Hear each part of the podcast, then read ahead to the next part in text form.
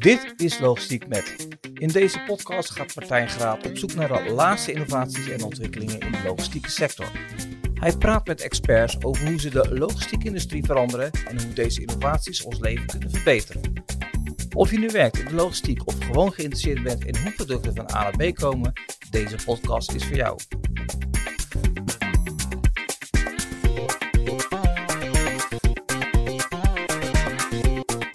Dit is Logistiek Met, Wout van den Heuvel en Menno Lamboy. Wout is beleidsadviseur digitalisering bij Transport en Logistiek Nederland. En Menno is zelfstandig adviseur op het snijvlak van IT en logistiek. Samen zetten ze zich al jaren in om datadelen in transport en logistiek voor het bedrijfsleven te verbeteren. We praten over het belang van open standaarden, zoals het open tripmodel en hoe dat werkt in de praktijk.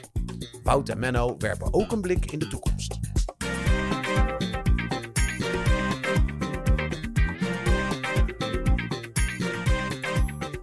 Wout, Menno, uh, welkom in de podcast. Dank, dankjewel. Leuk om hier te zijn. Um, de eerste vraag uh, in deze podcast is altijd: wat heb jij met logistiek? Wout, zou, zou jij die vraag als eerste willen beantwoorden? Jazeker. Ja, wat heb ik met logistiek? Uh, ja, best veel. Ik, mijn hele werkzame leven ben ik eigenlijk al actief in de, in de logistiek. Um, ja, vanaf het moment dat ik vanaf de MBO-school ben, ben ik aan de slag gegaan bij een logistieke dienstverlener in Brabant. Daar ken ik Menno ook van, onder andere. Uh, daar heb ik negen jaar gewerkt bij een familiebedrijf. Uh, zeg maar mijn voet in de klei gestaan. Gewoon gepland, uh, opdrachten gemaakt, offertes gemaakt, nieuwbouw gepleegd. alles meegemaakt waar een logistiek bedrijf tegenaan loopt. Nou, na negen jaar bedacht ik van, nou, ik ga toch eens mijn horizon verbreden. En ik ga bij een wat groter bedrijf werken. Uiteindelijk bij de grootste containerrederij ter wereld terechtgekomen. En daar de wereld ontdekt van wat een multinational doet op het gebied van logistiek. Um, ja, en die twee zaken uiteindelijk gecombineerd bij mijn huidige rol, waar ik alweer een aantal jaren werk bij Transport en Logistiek Nederland als branchevereniging, ondernemersorganisatie uh, voor beroepsgoederenvervoer in, de, in Nederland. Um, ja, dus veel met logistiek. Mooi. En, en jij Menno? Ja, uh, een beetje van hetzelfde. Um, ik, ik zeg altijd, ik ben met diesel in het bloed geboren. Ah. toen was het nog alleen maar diesel, nu niet meer natuurlijk. Dus uh, we moeten, moeten iets anders bedenken voor deze tijd. Maar ja, jij komt langzaam onder stroom te staan. Ja, inderdaad. Ja, ja. Nee, ja, mijn vader was verantwoordelijk voor uh, de planning bij een groot transportbedrijf. En uh, dus ik, als klein jongetje werd ik al meegetrokken en altijd werken, zaterdag, zondag. Dus vaak daar, daar te zien. Um, ja, dus het stond vast dat ik chauffeur zou worden. Um, en toen zei mijn moeder, ga eerst maar eens even kijken hoe het op school gaat. ja, bleek ik toch ook nog iets meer te kunnen. Ehm, logistiek, technische vervoerskunde. Um, later uiteraard ook wel mijn rijbewijzen gehaald. Um, uh, ja, ik ben bij een logistieke dienstverlener begonnen. Een beetje dezelfde manier uh, zoals Wout. Uh, van alles en nog wat gedaan. Plannen, administratie, rijden ook af en toe. Gewoon om alles te leren kennen. Mm -hmm. bij een een eh, IT-dienstverlener terechtgekomen die software maakte voor transportbedrijven. Boordcomputers, transportmanagement software. Nog IT-manager geweest bij een uh, grote vervoerder. En uiteindelijk ook bij uh, Transport en Logistiek Nederland terechtgekomen. op de consultancyafdeling, waar ik ja, leden van TLN kon helpen met IT-vraagstukken. Welk pakket past het beste bij me? Uh, hoe haal ik het meeste uit mijn uh, uh, systemen? Hoe sluit ik ze op elkaar aan? soms ook een conflict met een IT-partij, mm -hmm. dat je daarin kon bemiddelen. En um, ja, dat ben ik sinds 2008 zelfstandig gaan doen. maar wel altijd de link gehouden met TLN. Ehm, ja, waarbij er nog steeds ja, een leuke samenwerking is af en toe ook nog steeds IT-gerelateerde vraagstukken komen vanuit de organisatie bij TLN. Maar ja, de laatste jaren ook meer met uh, ja, innovatie dingen bezig geweest. Uh, waarvan papierloos transport denk ik het belangrijkste project is. Mm uh, waarbij we inderdaad proberen om uh, ja, de belangrijkste documentstromen die er zijn in de transportwereld, om die met digitale standaarden ehm, nou ja, eh, te laten verlopen. Dan moet je denken aan de opdracht, de transportopdracht, de factuur en de vrachtbrief. En daar zijn wij eh, de laatste jaren nou ja, aardig druk mee, uh, laten we maar zeggen. Het is een moeizaam traject. We hebben ook niet de illusie dat er één uniforme standaard zal zijn. Maar het feit dat er ja, standaarden überhaupt meer en meer gebruikt worden, gaat ons zeker wel helpen om, uh, om dingen te versnellen en om ja, meer digitalisering te krijgen. Ja, de, de, logistiek is dol op papier. Nog steeds, ja. ja, ja. Nou, of, of ze dol zijn, weet ik niet. Ze zijn er niet dol op, maar het is heel moeilijk om er vanaf te komen. Ja. Dus, dus, dus we, we, hebben er nog heel veel mee te maken. En dat, dat is eigenlijk iets wat ons alle twee, zeg maar, misschien... Uh, ja, te zeggen, het, het, hoeft niet meer qua techniek. Maar het is best lastig om het zo te organiseren dat we gewoon papierloos kunnen gaan werken. Kijk, dat is ook een van de zaken waar wij bijvoorbeeld vanuit TLN naar kijken. Van waarom kunnen de banken werken zonder Accept Giro al jaren? En zitten wij nog steeds met, uh, met stapels, met honderden, miljoenen vrachtbrieven te werken elke dag. Ja. ja dat, dat heeft ook een reden. Dat is ook omdat het iets anders georganiseerd is en we tegen andere complexiteit aanlopen in, in de logistiek. Omdat je gewoon met, ja, je hebt met zoveel partijen te maken. De, ik zeg altijd, een van de oorzaken is dat we de veel op veel relatie hebben. Je hebt veel Ja. vervoerders, je hebt veel klanten, je hebt veel opdrachtgevers. Nou, daar heb je al mee te maken. Nou, wij zijn dan alle twee ook nog een beetje eh, betrokken in de systemen, maar je hebt ook heel veel systemen. Ja. En dat maakt het gewoon bijzonder ingewikkeld in de logistiek om die systemen met elkaar dezelfde taal te laten praten. Nou, daar, daar proberen wij energie in te stoppen.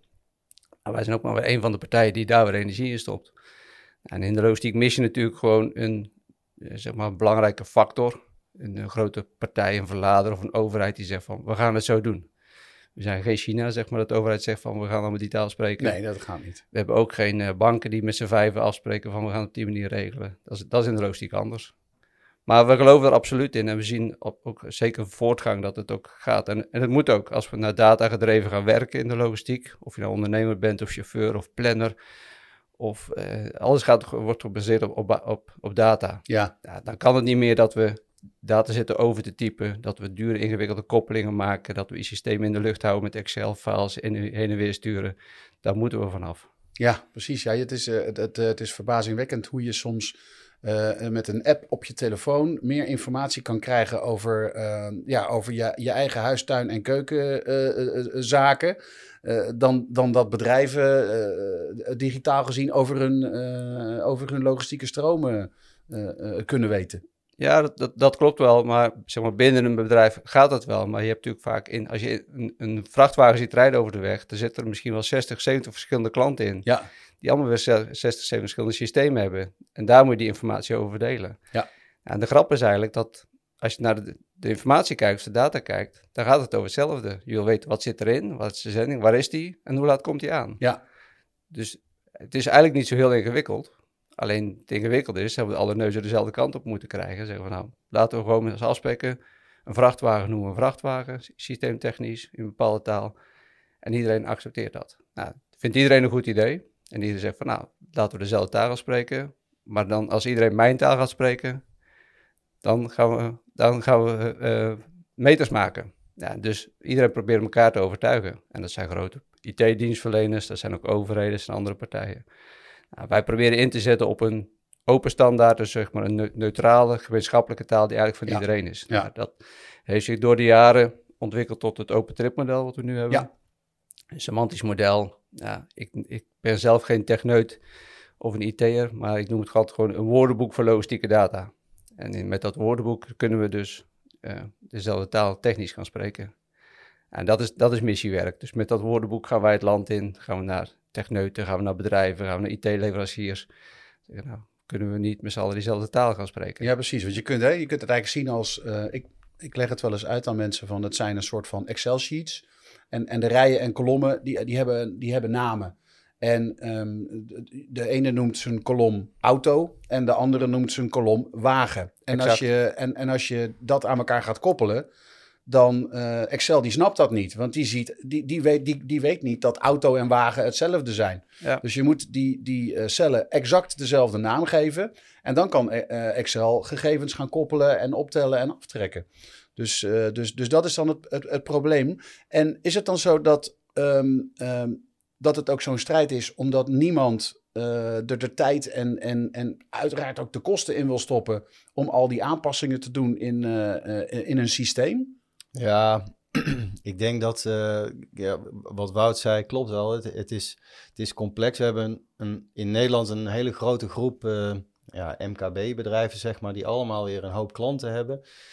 Um, de vervoerder is traditioneel gezien ehm, ja, heel dienstbaar, ook richting klanten. Ja. Dus die zeggen van, joh, eh, ja, ge- geef me ons maar eh, wat je kan eh, sturen uit ons systeem of in de mail. En wij passen het wel aan. Dus je, je ziet een, ja, in het proces bij heel veel eh, logistieke dienstverleners gewoon een diversiteit aan eh, opdrachtstromen, eh, informatiestromen. Het komt op verschillende manieren binnen. Ja, jij zegt Excel. Nou, was het allemaal maar Excel bij wijze van spreken? het zijn mailtjes in verschillende vormen, Ja. met PDF, met Word, allerlei verschillende databestanden, verschillend gestructureerd. Ehm, ook de hele traditionele dingen komen nog steeds voor. Eh, ja, we, we- ze vragen wel eens gekscherend of er nog een fax in huis is. Ja. En dan wordt er in eerste instantie gelachen. Maar stiekem is er altijd wel iemand die nog zegt van... ja, we hebben er nog een paar die, eh, eh, die faxen sturen. Dus er is heel veel variëteit. En ehm, er zijn veel verschillende systemen. En zo'n ja, zo'n systeem, een TMS voor transportbedrijven... Ja, dat, dat vervang je ook niet zomaar. Nee. Dus, eh, dus ja, er zijn bedrijven die al 10, 15 jaar met hetzelfde systeem werken. Eh, vol met functionaliteit. Eh, in al, al die jaren, al die verschillende vormen van afspraken en, en structuren die ze gebruiken in dat systeem gebouwd. Ja, met een beetje verouderde techniek. Ja, en daar lopen we nu nog steeds wel tegenaan. Dat eh, verschillende systemen, oudere technieken, verschillende afspraken die, eh, ja, die, die ze hebben met hun klanten. Eh, en dat maakt de situatie complex. En ja, in ons ehm, werk om die standaarden ja, meer en meer gebruikt te krijgen, proberen we ons natuurlijk ook te richten op die TMS-leveranciers. Ja. Want ja, die moeten uiteindelijk die mogelijkheid ook gaan bieden om met die standaardtaal eh, informatie uit te wisselen. En dan zie je dat dat ook heel erg moeizaam loopt, omdat ze, nou, ze vinden dat ze allemaal een eigen standaard hebben. Eh, ja, en deels laat de techniek het ook nog niet helemaal toe om, eh, om in die moderne uitwisseling mee te gaan. En dat, ja, dat zijn denk ik wel Ja, en waar, waar, grote en pro- waar- en waar zit hem dat in? Ehm, nou ja, e- enerzijds is het technisch aspect. Ehm, ja, wij, wij, wij kijken nu naar uitwisseling die gebaseerd is op niet meer eh, met mailtjes eh, bestanden oversturen, maar wij willen met eh, moderne webservices willen we Ja. systemen aan kunnen roepen of eventueel zelf iets publiceren wat aangeroepen kan worden. Ja, dat, dat klinkt voor heel veel applicaties nu standaard. Zeker voor alles wat er in de cloud gebeurt. Alleen ja, oude systemen die nog eh, lokaal op een server geïnstalleerd zijn met oudere databases. En Ja. die zijn allemaal nog niet zo open als, eh, ja, als de systemen die wij eigenlijk nu wel nodig hebben. Dus dat, dat in de eerste plaats. Ehm, ja, goed. En, en heel veel leveranciers houden de boot ook af. En die zeggen van, joh, ja, dat is leuk als er één of twee van onze klanten dat willen. Dan, ja, dan gaan we dat eens bekijken. Maar dat zijn niet voldoende klanten om meteen in actie te komen. Ja. Daarvoor willen ze Ja. er eigenlijk 10 of 15 hebben die vragen van... joh, we willen met eh, OTM kunnen uitwisselen bijvoorbeeld. Dus daar, ja, dat, dat is een, eh, een, eh, ja, een, een vraag- en aanbodspel eigenlijk. Wat eh En, en, en, en ook weer een kip. Ja, een soort kip-ei-discussie. kip-ei, ook ja, weer. zeker. Ja. Ja. Hmm. Ja. Ehm, de, de, eh, jullie noemen de, een, een open standaard voor eh, data in de logistiek. Eh, kun je daar wat meer over vertellen? Hoe dat in zijn werk gaat, eh, eh, hoe, jullie daarmee bezig zijn? Ja, nou, een hele goede vraag ook. Want er wordt toch wel heel vaak de verkeerde verwachtingen geschept bij van een open standaard is. Van, Ja. Vragen ons, gaan, jullie dan een groot platform bouwen waar we alle data gaan zetten, waar iedereen bij kan? nee, kijk, een open standaard is, is wat ik zeg, eigenlijk een soort gemeenschappelijke taal voor, voor computers. En uh, chic is dan een semantisch model. Dus eigenlijk gewoon de taal die je met elkaar afspreekt. Ja. Um, en dat gebeurt, kijk, er zijn natuurlijk meerdere talen. Grote, grote softwarehuizen, uh, die, die hebben ook een eigen taal waarmee ze alle koppelingen maken tussen de apps en de systemen en Mhm. de platforms. Maar het verschil met een open uh, taal is dat het eigenlijk leveranciers onafhankelijk is. Dus neutraal en voor iedereen beschikbaar tegen zo laag mogelijke kosten. Um, dus dat je geen log-in kunt krijgen naar de, naar de partij van wie die taal is. Oh ja. Want om even een voorbeeld te gebruiken, bijvoorbeeld in de reisbranche hebben we Booking.com. Dat vinden we natuurlijk een heel mooi platform. Ja. Maar we zitten er wel aan vast. Dus je, als je met Booking mee wilt doen, gaat het wel op hun voorwaarden, systeem. alles. Maar dus ook op hun techniek. Ja. Nou, met een open standaard is dat niet. Dan zeggen we, nou, de, de, de taal waarmee we koppeling maken naar dat soort platforms of naar de apps of zo, die is gemeenschappelijk. Dat is gewoon ja, net net zo goed als wij Nederlands praten of Chinees praten, dat gaan we met elkaar afspreken. En eh, wij hebben het vanuit Transportlogistiek Nederland gezegd als brancheorganisatie. En dit doen we eigenlijk ook samen, niet alleen met de vervoerders, maar ook met de IT-leveranciers en met de opdrachtgevers. Laten wij gaan proberen of we zo'n taal kunnen ontwikkelen en die gaan aanbieden aan alle partijen in de Nederlandse markt. Nou, er zijn in alle sectoren gebeurt het wel op die, die standaarden. Ehm, dus dus, dus de, de taal moet er dus gewoon zijn en beschikbaar zijn voor iedereen. Dus leveranciers onafhankelijk, tegen zo laag mogelijke kosten. Ehm, eh, vrij toegankelijk. Eh, dus je moet het kunnen vinden, je moet het toegang kunnen hebben, je moet het kunnen interpreteren en je moet het kunnen lezen, zeg maar. Ja. Nou, zeg maar, het beheer van die standaard hebben wij ook ondergebracht in een neutrale stichting. Stichting Uniforme Transportcode heet dat. Nou, die bestaat eigenlijk al eh, een jaar of dertig. Daar zijn we als uh, Transportlogistiek Nederland samen met de verladers, de verladersorganisatie EVO, inmiddels EVO Venedex, mee begonnen. Uh, om in toen het toenmalig het EDI-tijdperk, Ja. om dat ook te doen. Want EDI is ook een, een, een standaard en daar dan een logistieke variant van te maken. Toen zijn we er eigenlijk al mee begonnen. Nou, toen was de tijd er niet rijp voor, toen was de techniek ook niet zo ver. En die hebben we eigenlijk de afgelopen jaren weer opnieuw leven ingeblazen. Dus en dat is een stichting die dan standaarden, logistieke standaarden beheerst voor het logistieke bedrijfsleven. Ja, nou, ik, ik denk dat ehm, in, in de jaren 70, 80 is, is er een, een ja, eerste stroom gekomen om data-uitwisseling te standaardiseren met Edifact. Hè, de, alleen, ja, da- daarin zie je eigenlijk dat dat ehm, eh, een, een, goede, een goed initiatief was, maar dat dat nooit eigenlijk echt is doorgezet. De, de grote rederijen bijvoorbeeld, eh, die, die gingen daarmee aan de slag, grote bedrijven, maar ja, dat is een beetje blijven hangen. Ehm, in de loop van de jaren zijn we natuurlijk wel steeds meer eh, data digitaal gaan uitwisselen. Ehm, en langzaam maar zeker kwamen er ook ja, steeds meer varianten. Eh, systemen worden ook steeds flexibeler en opener om nou ja, verschillende varianten hè, met, met, met allerlei tools om berichtjes om te vormen en in te kunnen lezen. Dus er is een, ja, een gigantische stroom aan verschillende eh, berichten gekomen. En ik denk dat dat ook wel weer de aanleiding is geweest om opnieuw na te gaan denken over, eh, ja, over een standaard taal. Uiteindelijk komt het principe van het open trip model komt uit een, eh, nou ja, een- het, het bouwen van een control tower eh, met, voor verschillende vervoerders die allemaal een eigen TMS en een eigen boordcomputersysteem hadden. En dat de leverancier op dat moment dacht van ja, nu moet ik met 10, 12 vervoerders een, een specifieke koppeling gaan maken. Waarom is dat niet één ja, uniforme definitie waar we mee kunnen werken? Eh, ja, die zijn ze uiteindelijk zelf gaan ontwikkelen. En wij zaten met papierloos transport ook net in een eh, initiatief, nieuw initiatief, om dat, nou ja, dat oude Edifact, zeg maar, eh, weer eens even nieuw leven in te blazen. En wij kwamen met een, ja, een TLN-transportopdracht. Dat was eigenlijk jaren geleden voor ons een initiatief om, om, om te zorgen dat, ja, al was het maar dat vervoerders onderling met verschillende systemen heel makkelijk elkaar opdrachten kunnen verstrekken, zonder dat ze ook echt hetzelfde systeem eh, moeten hebben. Je ziet dat bijvoorbeeld wel bij eh, nou ja, containervervoerders die het, hetzelfde TMS-systeem hebben. Die kunnen heel makkelijk Ja. berichten naar elkaar toespelen. Maar ja, eh, er zijn 20, 30 en misschien nog wel meer TMS-leveranciers. Ja. Eh, en iedere keer loop je weer tegen het punt aan van ja, wij kunnen dit aanbieden. En de ander zegt waar wij kunnen dit lezen. Ja, dat past natuurlijk nooit. Dus ehm, ja, vandaar dat we veel eh, effort hebben gestoken om, eh, om te zorgen dat we een uniform formaat hebben. met een vaste structuur, met alle velden die je in een transportopdracht uit kan wisselen.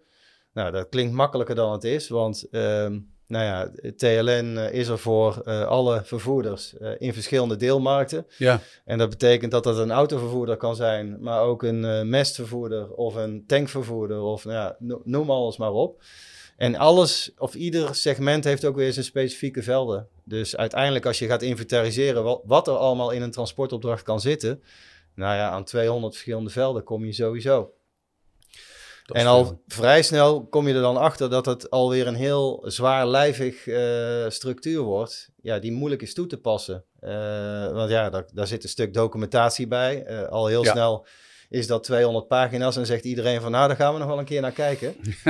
ja. Ehm, ja, en uiteindelijk, ehm, dat voorbeeld wat ik net noemde van die control tower, daar is het open trip model uit ontstaan. En ja, wij zijn op een gegeven moment op het punt gekomen, een paar jaar geleden, dat we dachten van, het open trip model zit qua structuur goed in elkaar. Waarom eh, gaan we die transportopdracht daar ook niet in verwerken? En het voordeel van het open trip model, of een van de voordelen, is in ieder geval dat het ja, een open structuur is met verschillende losse entiteiten. En een entiteit kan bijvoorbeeld een zending zijn of een rit. Of, Ja. nou ja, of nou, laten we zeggen een stukje over een voertuig of een chauffeur. Eh, en dat als je berichtjes gaat uitwisselen in de logistiek, dat je niet die hele zwaarlijvige structuur iedere keer weer eh, moet doorsturen. Eh, waarbij je uiteraard de velden vult die je op dat moment nodig hebt. Mhm. Maar dat je daar hele kleine stukjes uit kan, uit kan halen. en in, nou ja, in die standaard structuur dus door kan zetten. Nou, om daarop aan te vullen, want Menno zegt het grote voordeel van het open tripmodel wat je uitlegt, maar het, het, het grootste voordeel van het open tripmodel is, is dat het uit de praktijk komt. En eh, we zijn er al een aantal jaren mee bezig, maar uiteindelijk eh, is het ook de devil is in de detail. Hè? Het moet in de praktijk werken. Ja. En eh, de logistiek is best complex, wat we net al geschetst hebben. Ik was pas bij een bedrijf die eh, wel een redelijk grote, een redelijk groot MKB-bedrijf, dus zeg maar 300 plus auto's, dus dat nog wel MKB. Maar die hebben dus 64 systemen draaien in hun eigen organisatie om het Ja. bedrijf te runnen. Nou, die 64 systemen die wil ze met elkaar laten com- eh, communiceren. Dus er is ook gewoon heel veel behoefte aan. En standaard, er wordt al heel lang gewerkt aan standaard met EDI. Je hebt in de retail, heb je GS1 en in de bouw. En wij hebben het zelf ook gedaan toen we hier 20 jaar geleden mee begonnen. Toen hebben we Berenschot gevraagd van, schrijven jullie nou eens op van wat het, eh, wat het Ja. moet worden. Ja, dan wordt het een theoretisch model en dan ga je naar de techneuten toe en die zeggen, ja, maar dat, gaat dus, eh, dat werkt dus niet, of net niet. Nou, met de open tripmodel is dat omgedraaid, dat komt uit de praktijk, dat komt van de ontwikkelaars. De techneuten zijn ermee begonnen en we zijn dat nu aan het uitbreiden en zeg maar, naar boven gaan opschalen. En dat werkt, zeg maar. We kunnen nu gewoon aantoonbaar gewoon laten zien dat het ook echt in de praktijk werkt. Met koppelingen maken tussen systemen, maar ook met verkeersinstallaties, met overheden. Dat, en dat, daar zit echt het succes in. En dat maakt deze standaard ook anders dan zeg maar andere standaarden. Maakt het ook moeilijker omdat we veel tijd moeten steken in gewoon die, die basis helemaal goed op orde krijgen. Maar dat hebben we nu, nu wel staan. En eh, dat zien we gelukkig ook terug in de, de gesprekken die wij vanuit TLN voeren met de overheden, met andere brancheorganisaties. Eh, want er komen natuurlijk meerdere standaarden. Het is niet de standaard die alles gaat omvatten. Want je hebt in de bouw een standaard, je hebt een douane standaard. Je hebt, nou, de, de container wereldwijd eh, hebben natuurlijk eigen standaarden. Nou, die standaarden moeten met elkaar gaan communiceren. Dan wordt het leven al wat overzichtelijker, zeker vanuit de logistiek gezien. Ehm, maar daar zit hem zeg maar het meeste voordeel in van het open tripmodel zoals wij dat nu ont- ontwikkelen. En het mooie is dat iedereen mag daar aan meedenken. Het is open, dus iedereen mag zijn wensen, eisen indienen. Zeggen van hoe kunnen we het ver- verbeteren? Een beetje wat Linux al altijd is geweest in de techniek. Van, nou, Ja. Samen maken we het beter. En eh dan hoor ik jou zeggen dat eh, ik, no- ik hoor je retail noemen en ik hoor je bouw noemen. Ehm, eh, dat zijn branches waar de, de marges significant hoger zijn dan in de logistiek. De, de- veel logistieke bedrijven zitten toch, zijn toch altijd een beetje de, de, de sluitpost. Eh, Ja. onterecht, maar het, eh, maar het is zo. De marges zijn heel dun. Is dat iets wat, eh, eh, eh, wat meespeelt in ehm, ja, hoe de logistiek eh, misschien wel acht, wat achterloopt ten opzichte van een aantal van, eh, van de andere branches? Nee, weet ik niet. Ik denk het niet. Ik, eh, we moeten heel vaak uitleggen inderdaad dat ze vinden dat onze sector conservatief is, achterloopt op het gebied van digitalisering. En ik denk zeker op het, op het logistieke stuk dat dat best wel meevalt. Wij zien echt heel veel bedrijven, ook MKB-bedrijven, die gewoon voldoende investeren, die goed geautomatiseerd zijn. Juist meer dan zeg maar nog wel eens de productiebedrijf of, de, de, of, of, of hun klanten. Ik hoor echt heel vaak van dat het, het transportbedrijf zegt van wij willen wel, maar mijn klant wil niet of kan niet. Ah, Zeg om de koppelingen te maken. Ja. En, maar dat is dan zeg maar het logistieke gedeelte van, Ja. van de klant. Hè? Dus eh, een- zeg maar een grote bierbrouwer die we kennen, die stuurt gewoon zijn opdrachten om al zijn grondstoffen aan te voeren, gewoon met een Excel-file naar de vervoerder. Gewoon nog, eh, 300 ritten per, per week. Wordt gewoon Excel ge- gemaild van, nou, dit is wat je voor deze week moet doen. Ja. Ja, dan zeggen we, dan gaan we een koppeling maken. Hij zegt, ja, maar waarom zou ik dat doen? Het werkt toch prima voor ons zo? Dus die gaan erin investeren. Ja. Die voer zegt, Ja, ja, ik wil wel. Ja. Dus, dus, dus het is niet altijd zo. Hm. Maar het is wel belangrijk dat, dat je het wel gaat doen, digitaliseren en dat. Want je moet wel grip krijgen op je kosten als, als vervoerder. Dus wil je weten wat je verdient, ja, moet je dat eigenlijk, eigenlijk het liefst van tevoren al weten. Voordat je gepland hebt van ga ik hier wat aan verdienen. Ja, dat kan alleen maar natuurlijk als je eh, bovenop je data zit. Ja, dus het is meer de, de, de versplintering eigenlijk. Van, eh, dus het is meer de hoeveelheid partijen dan de bereidheid tot, eh, tot investeren. Ja, de, In ieder geval van de, de belangrijkste spelers in de markt, degene die het uit moeten, uit moeten voeren. Ja. En, en eh, die, ja, die met die data aan de slag moeten. Ja, een hele grote diversiteit. Je ziet natuurlijk bepaalde klanten, de opdrachtgevers die het wel doen. Bepaalde sectoren, bijvoorbeeld in de chemie, waar de regelgeving hoog ligt, is de automatiseringsgraad veel hoger dan dat je dat in andere sectoren hebt, waar je gewoon... Ja, we hebben, wij hebben vanuit TLN, we hebben een deelmarkt eh eh, rijdende nee, de, de mestvervoerders, zeg maar. Ja, dat is natuurlijk redelijk, of uh, keepautovervoerders, dat is redelijk eenvoudig vervoer. Ja, Daar liggen de eisen niet zo hoog als dat het in de chemie ligt. Ja. Ja, daar zie je ook al verschil in automatiseringsgraad. Ja, ik denk, als je goed en wel beschouwt, dan denk ik dat de meeste transportbedrijven het binnen hun eigen bedrijfsmuren inmiddels best wel goed voor elkaar hebben. Ze hebben allemaal een boordcomputer, ze hebben allemaal, allemaal een TMS-systeem, eh, gekoppeld met financieel pakket. Eh, er zijn genoeg applicaties eh, in het huis, alleen er wordt steeds meer samengewerkt, waarbij ja, er ook steeds meer uitgewisseld moet worden. Ehm, en dan zie je wel dat ja, eh, laten we zeggen, als je 20 auto's hebt rijden eh, en je, eh, ja, je, de- je besteedt er nog eh, voor vijf auto's, zes auto's werk uit. Die wil je eigenlijk op dezelfde manier in jouw systeem kunnen volgen eh, als ja, je eigen auto's. En daarin zie je nog wel ja, dat daar uitdagingen liggen. Want ja, hoe zorg ik ervoor dat, dat ik bijvoorbeeld ook terugmeldingen krijg van die auto's die door iemand anders eh, worden, eh, worden gereden. ja. Maar die werken met andere systemen. Dus daarin zie je wel dat er steeds meer vraag komt om dingen slimmer te doen. Nou ja, niemand zit er uiteraard te wachten om nog meer mensen eh, in het proces eh, te zetten om eh, handmatig werk te doen. Dus dat is sowieso al een trend van de laatste tijd dat men intern ook aan het kijken is van nou, hoe kunnen we al die handmatige werkzaamheden die we nog doen ehm, nou, op een slimme manier in ons proces verwerken. Door te automatiseren, door ja, Mhm. bijvoorbeeld koppelingen te maken. Ehm, en ja, een- een ander, ja, andere trend die je eigenlijk ziet, is dat er natuurlijk ook steeds meer slimmere tools komen. eh, voor planning, eh, eh, eh, Ja. AI-achtige zaken. Ja, als je het dan hebt op, eh, over dat voorbeeld planning en je, en je wil daar een mooie tool eh, voor gaan inzetten, waar veel bedrijven naar kijken, ja, dan kom je toch ook weer op het punt van, ja, zo'n tool heeft goede data nodig. Ja, ja. Betrouwbare data, complete data. Ja, en dan wordt er toch ook weer naar de voorkant van het proces gekeken, van ja, hoe komt die data binnen? Eh, datzelfde geldt voor ja, rapportages. Eh, ja, je kan heel snel een Power BI dashboard aansluiten. Eh, en je kan heel snel rapportages tevoorschijn toveren. Alleen, ja, als je niks aan je data doet, dan, dan komen daar grafieken uit waar je ook niks mee kan. ja, garbage in is ja. garbage out, hè, ze dan. Dus, ja. eh, ja. dus dat zie je wel steeds meer gebeuren. Bedrijven zijn ja, steeds meer, eh, of hebben steeds meer data nodig die goed is. eh, ja, waardoor er ook meer vraag komt om dingen te automatiseren en, en aan te sluiten op, op klanten. En, en als we nou die, eh, die, die, eh, die standaardisatiereis, laten we zeggen, waar we, waar we op zitten, ehm, ehm, is dat, is dat in, in fases op te delen? En, en, en, en, en waar zitten we dan ergens ten opzichte van, van waar we naartoe willen? Logistiek breed bedoel je dan? Ja,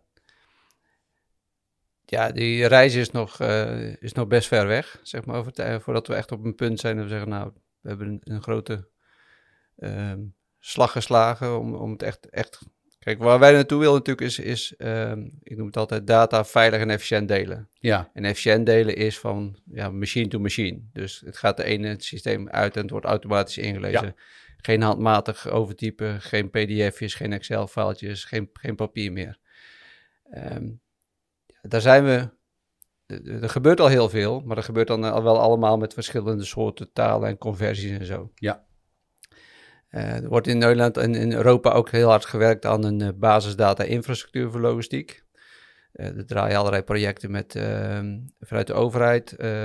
Dus een, een, een regelgeving voor ordering op, komt, is op komst. Die heet de FT, de Electronic Freight Transport Interface. Ja. Moeilijk woord. En die zegt eigenlijk dat de overheid over een aantal jaar in staat moet zijn om data elektronisch te kunnen ontvangen vanuit het bedrijfsleven. Um, dus dan wordt het niet een verplichting, maar als wij als bedrijfsleven de data gaan aanleveren, moet het overheid kunnen verwerken. Nou, dat proces versnelt het wel, zeg maar. Dus er komt zeg maar wel meer uh, tractie ook bij de overheid om daar gewoon op aan te sluiten. Nou, daar zijn we continu over in gesprek hoe we dat gaan doen. Sluiten zij aan wat wij als bedrijfsleven doen, of gaan wij straks voorgeschreven vanuit de overheid van je moet het op deze manier aanleveren? Dat gaat wel helpen. Nou, daar past het open trip model gelukkig prima in. Um, maar misschien een lang antwoord. Uh, nee, we zijn er nog lang niet. Maar we zijn wel op de goede weg. Zeg maar, we hebben nu een standaard die werkt. We hebben uh, zeker in Nederland uh, goede gesprekken met de IT-leveranciers. Uh, ik denk mede op ons initiatief en met Menno hebben we een vereniging van IT-leveranciers opgericht. Dalti is dat. Daar zitten de, de, de leveranciers van planningspakketten, boordcomputers, die zitten mhm. daar als vereniging ja. bij elkaar. We hebben één aanspreekpunt. Die omarmen ook standaardisatie. Dus die neuzen gaan dezelfde kant op. Alleen we moeten het nu nog gaan doen. En dan kom je dus in de implementatie en dan loop je tegen al de dingen die we net gezegd hebben: techniek, uh, verhoudingen, relaties met je opdrachtgever, prioriteiten. Um, daar loop je dan wel tegenaan. Maar de bewustwording en de dingen, die zijn er wel. Dus uh, de belangrijke stappen zijn gezet. En, en hoe, is die, uh, hoe is die koppeling uh, met, ja, met andere landen in Europa? Ik had in de eerste aflevering had ik Stan de Kaluwe te, gast van Hyperloop. Ehm, er zijn in Europa meerdere partijen met die Hyperloop bezig. Nou, als het ergens uh, belangrijk is dat je de standaarden goed afspreekt, dan is het wel als je, als je, uh, uh, ja, als je pots door een buis wil sturen met 1000 km per uur. Ja, dan is het wel handig dat als je bij de grens komt en je komt bij de Duitse buis, dat dat, dat wel goed op elkaar zit aangesloten. Ja. Anders zit hij in één keer vast. Dus, dus um, hoe, hoe, um, hoe verhoudt zich wat wij in Nederland doen uh, tot uh, wat we in Europa aan het, uh, wat, wat Europa aan het doen is. Ja. Nou ja, als ik daar op, op, op, mag inhaken, is. Um, ik denk dat wij in sommige opzichten, en met name als we het over het open trip model hebben, dat we in Nederland voorop lopen. Dat is echt een initiatief wat hier is ontstaan. Ja. Um, maar dat neemt niet weg dat er natuurlijk binnen Europa en, en ook al binnen de Benelux eigenlijk heel veel ja, uh, zaken lopen als het gaat om standaardisatie. Uh, de bekendste discussie die gaande is, is ja, de digitale vrachtbrief, hè, de, de, ja. de ECMR. Ja, dat is niet iets wat, ja, wat binnen Nederland speelt. Ja, dat speelt juist ook buiten ja. Nederland. Um, en daarin heb je eigenlijk ja, twee grote uitdagingen. Um, dat is um, ja, hoe uitwisselbaar uh, die verschillende oplossingen zijn. Want er zijn inmiddels al nou ja, in ieder geval meer dan tien leveranciers die een ja, ECMR-oplossing hebben. In de vorm van een app voor chauffeurs en een mhm. platform daarbij. Um, ja, en, en, je wil niet in de situatie terechtkomen dat uh, een chauffeur straks um, met meerdere verschillende apps op pad moet, omdat ja. de ene klant met deze oplossing werkt en de andere met, uh, met de andere. Dus ja, die interoperabiliteit, het uitwisselen van data tussen die verschillende oplossingen is een uh, item. En ja, het andere item is uh, handhaving. Want ja, uh, we gaan straks een Nederlandse vrachtauto in België aanhouden. Um, en die chauffeur die zegt op een x moment van ja, sorry, ik heb geen papieren, want alles is digitaal. Ja. Dan hoop je, of dan mag je hopen, dat uh, de handhavend uh, ambtenaar die daar uh, staat, dat, dat hij weet hoe hij dat moet bekijken. Ja. En dat hij daar ook de tools voor heeft. Ja. Dus dat, ja, dat is een discussie die al een hele tijd gaande is en waar ook al verschillende initiatieven voor zijn. en ja, een van de dingen is dat we daar juist een semantisch model voor nodig hebben, een standaard taal om, om te zorgen dat we van die verschillende oplossingen die data tevoorschijn kunnen toveren. Wat ik daar nog ook al aan kan toevoegen is, um, men zei het ook eigenlijk al, van wij lopen hier in Nederland wel heel erg mee voorop. Zeg maar. Uh, absoluut, het is cruciaal dat logistiek is niet aan grenzen gebonden. En logistiek is ook niet aan bepaalde domeinen gebonden. Dus het moet internationaal werken. En, en zeker, uh, zeker logistieke standaarden. Um, maar wat we alleen zien natuurlijk is als we het in Europa bespreken, wat wij vanuit TLN vaak doen, is dat andere landen lang nog niet zo ver zijn in die gedachtenvorming. Het misschien nog wel meer over, een beetje overlaten aan de markt. Ehm, maar wij zijn in Nederland hier dus heel, ook heel erg ver. En wij zijn ook echt, wat dat gaat uniek zeg maar in Nederland, hoe dat wij ons georganiseerd hebben, het polderen wat wij doen. Dus dat wij in gesprek zijn met de overheden, met de handhaving, met een topsector logistiek, met het bedrijfsleven, hoe we hier zeg maar verbeteringen aan kunnen brengen. Ja, daar zitten ze in het buitenland echt uh, naar te kijken. Te denken van, uh, praten jullie met de handhaving als, uh, als, als, als, vervoerders? Ja, daar zitten we gewoon mee om tafel. Ah. Nou, dat is in Duitsland en Frankrijk en Spanje echt een bijna no-go. Dus dit ligt ook echt een kans voor Nederland als de BV Nederland of als logistiek. Dus als we het hier gewoon goed doen en we verzinnen het hier goed. En die strategie hebben wij ook gekozen onder andere met, met, de, met de ECMR. Ja.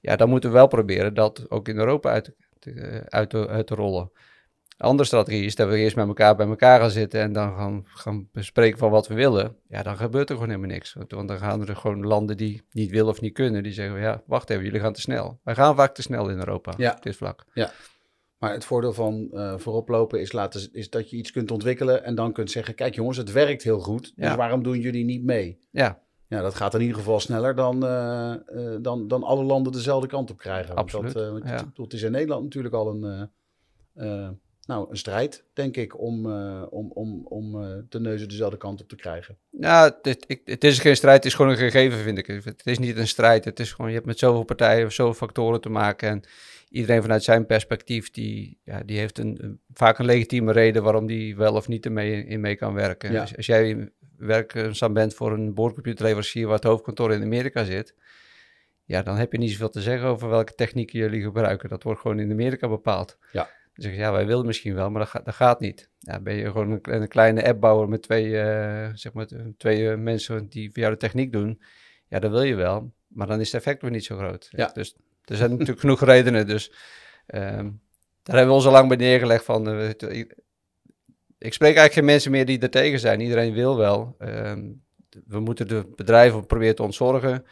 Um, we spreken heel veel IT-leveranciers die zeggen, ja, wij hebben ook de mensen niet meer om, uh, om koppeling in de lucht te houden en die systemen. Daar, daar moeten we gewoon op een gegeven moment vanaf. Maar als jij een bedrijf hebt wat uh, al twintig jaar een pakket in de lucht heeft met 50 klanten met allemaal verschillende installaties, ja, dan is dat een best een operatie. Ja, ja. Dus. Maar dan is uit, uitdaging inderdaad een veel beter woord dan uh, strijd, als ik jou, als ja, ik jou ja, hoor. Ja. Want iedereen wil wel, alleen het is, ja, er zijn, er zijn uitdagingen. Menno, wat is de, de, de, de grootste uh, uitdaging? Wat is de grootste bottleneck? Waar, waar, hangt, het, uh, waar hangt het nu op? Waar, waar zit de volgende doorbraak? Ja, ja nou, sowieso zitten er uitdagingen aan de kant van de leveranciers. De leveranciers van nou ja, TMS, WMS-systemen, systemen die logistieke dienstverleners gebruiken. En wat je ziet is eigenlijk dat ja, de gevestigde namen niet kunnen of niet willen. Ehm, niet kunnen omdat het technisch lastig is. Ja. Uh, niet willen omdat er nou, bijvoorbeeld uh, niet genoeg klanten nog om vragen. Uh, of omdat ze um, nou, gewoon de mensen er niet voor hebben. De kennis zit in hun specifieke domein. En ja, er is geen tijd om nee, zich te richten op, op een andere manier van data uitwisselen. Omdat ze ook vinden van nou, wij, wij kunnen alles. Wij kunnen statusberichtjes sturen. We kunnen dingen inlezen. En uh, dus daar, ja, daar zit wel een, uh, een belangrijk punt. Andere kant is, als je kijkt naar de logistieke dienstverleners, dan zie je daar ja, met name bij de MKB-bedrijven toch ook nog wel een gebrek aan nou ja, kennis binnen het bedrijf. Uh, mensen zijn over het algemeen heel erg operationeel bezig. Er ja. zijn ook nog oudere mensen actief die wat minder digital ready zijn. en ja, en da dat maakt het ook lastig, want het, het is niet zo dat wij bij die bedrijven aankomen met van... kijk eens, we hebben hier OTM, dat, uh, dat is iets moois. Ja, dat, dat is het natuurlijk niet. Dus ja. het, is, het is ook niet een, uh, ja, een applicatie of een tool waarmee we ze direct lekker kunnen maken. Uh, uiteindelijk wat wij willen is dat bedrijven slagvaardig zijn in deze tijd. Ik vind dat als klanten van een vervoerder vragen om een koppeling... of dan moet de vervoerder daar direct op in kunnen spelen. Dan moeten ze niet bellen naar een een leverancier uh, van hun en die zegt van joh, ja, over uh, een half jaar ben je uh, eerste om, ja, om die koppeling te maken. Daar moet je meteen iets mee. En dan ja, moeten wij ze samen met die leveranciers de mogelijkheid bieden om gewoon ja, de standaard taal uit de kast te trekken. En om te zeggen van ja, maar het is toch logisch dat we eh, dat bericht, die factuur, die order op deze manier inlezen of naar een collega sturen. Ehm, dus dat moeten we samen met leveranciers eh, eh, ook bij die vervoerders eh, over de bühne krijgen. Het is echt een middel om, ja, om het uitwisselen makkelijker te gaan maken. Ehm, ja, wat het nog complexer maakt, is dat we het natuurlijk niet alleen over vervoerders hebben, maar ook met verladers, Ja. ja, die ook hun systemen hebben. Ja, en dat is een groep die we op dit moment nog wat moeilijker kunnen bereiken. Want ja, met name de grotere verladers die bijvoorbeeld SAP gebruiken, ja, dat is, dat, dat, dat, ja, dat is een standaard op zich eigenlijk. Ja. Eh, oh, ja. Ja. Eh, dus in die zin ehm, ja, is dat ook een uitdaging natuurlijk. Want eh, ja, we willen met OTM niet alleen communicatie tussen vervoerders faciliteren, maar juist ja, in de hele keten. En dan heb je verladers en rederijen en nou ja, platformaanbieders heb je ook nodig Ja, die die ja. taal spreken. Dus het is niet alleen complex binnen het applicatielandschap van een logistieke dienstverlener, maar het is eigenlijk, ja, hoe, hoe verder je die keten bekijkt, hoe complexer het is om, eh, ja, om tot een gezamenlijke taal te komen. Dus ehm, ja, wat Wout zegt, dat klopt. We hebben al best wel aardig wat succesjes geboekt. En je ziet met name de jongere partijen, hè, dus die een nieuwe applicatie ontwikkelen, dat die vrij flexibel zijn om, eh, om OTM te integreren. Eh, maar ja, we hebben ook een, een hele grote eh, partij die, die, nou ja, die al twintig jaar meeloopt in deze wereld. En eh, ja, die zijn wat moeilijker te bewegen om, eh, om, ja, om een andere taal te gaan eh, spreken erbij. Ja, dus bij die bedrijven, ja, daar zijn de digital natives nog niet, eh, eh, nog niet op die posities waarbij ze eh, bepalend kunnen zijn, zullen we maar zeggen. Ja, nee, inderdaad. Ja. En, en Wout, al- als we nu kijken naar eh, de toekomst, Ja. eh, wat, eh, wat staat ons te wachten op, de, op, op het vlak van standaardisa- standaardisatie? Nou, even aansluiten op wat Menno zegt. Ik hoop dat onze leden, de transportbedrijven, heel snel tegen hun leverancier gaan zeggen van... wa- waarom breng jij kosten in rekening voor het maken van een koppeling? Of Ja. waarom, waarom moet ik er nog apart voor betalen? Want jullie ondersteunen toch het open trip model. Dat is toch een standaard? Dus hoe Ja. sneller ze dat, die vraag gaan stellen, dan weten ze A, dat er een standaard is. En dat dat eigenlijk gewoon bedoeld is om niet al die ingewikkelde koppelingen te maken. Maar als je kijkt naar de, naar de toekomst van standaarden... Ehm, ja, je kijkt, in principe zijn er eigenlijk twee stromen, zeg maar. Je hebt de, de communicatie vanuit het bedrijfsleven naar de overheid. En ook vanuit de overheid terug naar het bedrijfsleven. Mhm. Dus de business to government en de government to business. Daar hebben we hele mooie stappen gemaakt. Want we zien dat de overheid het open trip model herkent en oppakt als een taal om met de logistiek te gaan praten. In allerlei, in allerlei projecten. Of het nou om mobiliteit gaat of om over regelgeving, handhaving. Dus die, daar hebben we een go- goede stap gezet. En dan gaan we ook nu echt naar het, naar het toepassen. Hetzelfde geldt eigenlijk voor de, de, de, de business-to-business, dus het onderling bedrijfsleven communicatie. Wat eigenlijk nog vele malen groter is natuurlijk als de communicatie naar de overheid. Want er wordt natuurlijk continu tussen bedrijven gecommuniceerd. Eh, daar hebben we gewoon hele goede, goede stappen gezet de afgelopen jaren door eerst de, de standaard te ontwikkelen vanuit de praktijk, dat die werkt. Eh, de bewustwording bij de partijen, met name bij de IT-leveranciers, dat ze ook moeten gaan werken aan standaardisatie. Dus met Dalti eh, samengewerkt en zegt van we gaan inzetten op standaardisatie. En de eerste implementaties, die, die lopen nu en die, dat, draait. Dus we hebben toepassingen met koppelingen, control towers, planningspakketten, boordcomputers, dat groeit. Maar dat moet gaan bloemkolen. Of een beetje, eh, we zoeken het eh, de, één, schaap over de dam, dan volgen er meer. Nou, dat gebeurt. En eh, ja, we hopen echt op zo'n doorbraakmoment. En nou, we hebben twee jaar geleden stond op de ICT logistiekbeurs in, eh, in Utrecht. Elk jaar, twee dagen of drie dagen is de beurs. En toen hebben we met een aantal leveranciers gezegd van, nou, we zijn met standaardisatie bezig, we moeten het laten zien. Ja, Dus mijn voorstel was van, we hangen overal een bordje op, OTM-proof, iedereen die het is. Nou, dat vonden ze op dat moment een beetje een brug te ver. Zeggen ze, ja, nou, moeilijk en ingewikkeld. Nou, al die bezwaren die we net allemaal genoemd hebben. Dus toen zeiden ze, nou, kunnen we niet iets doen van on the way to OTM ready? Dus ik, nou ja, we zijn, we zijn ermee bezig. Nou, eh, ik hoop, dit jaar hebben we weer beurs, dat we eigenlijk dan gewoon overal een bordje kunnen neerzetten van, we zijn wel OTM-proof, maar we doen het en we kunnen het. En ja, ik denk niet dat we dit jaar de hele beurs hebben, maar ik hoop toch dat we volgend jaar echt wel zo'n stap gemaakt hebben, dat, eh, dat alle leveranciers die daar staan zeggen van, jongens, we ondersteunen het en we zijn het ook echt aan, echt aan het doen. En dan ontzorg je ook het bedrijfsleven. Ik vind zelf altijd een logistiek dienstverlener, die moet bezig zijn met logistiek. En niet met techniek en met standaard of zo. Daar Ja. moeten we hem bij ontzorgen. En daar kunnen wij hem bij helpen, maar daar kunnen met name de IT-leveranciers hem bij, bij helpen. Duidelijk. Dus. Ja, Ehm, ja ik, eh, ehm, ik vind het mooi om te horen dat wij als Nederland eh, eh, voorop lopen. We- doen dat natuurlijk, we deden dat in de geschiedenis al. de- ik denk dat ze bij de VOC de, de trend aardig hebben, hebben ingezet. Ja. Mooi om te zien dat we zo, dat we zo bepalend kunnen zijn. En ehm, ja, ik vind het ook leuk om die woorden terug te horen. Want polderen is ontzettend Nederlands. En dat we dan wachten op een doorbraak. Waar we in principe in Nederland liever, wat we liever niet hebben. Want de dijken zijn ons lief. Ja. Ehm, ehm, dus de, de, ja, de, de, de taalanalogieën komen prachtig naar voren. Ehm, dank jullie wel voor de uiteenzetting. En eh, ehm, eh, ja, ik blijf het met interesse volgen. Wout. Menno, dankjewel. Graag gedaan. Ja, graag gedaan.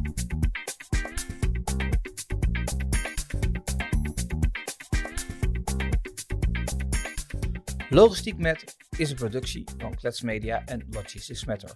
De podcast is geproduceerd door Dimitri Vleugel en de muziek is van Galaxy Productions. Wil jij ook te gast zijn in een aflevering van Logistiek Met? Stuur dan een e-mail naar logistiekmet@logisticsmatter.com. Voor meer innovaties in de logistiek kun je terecht op www.logistiekmet.nl.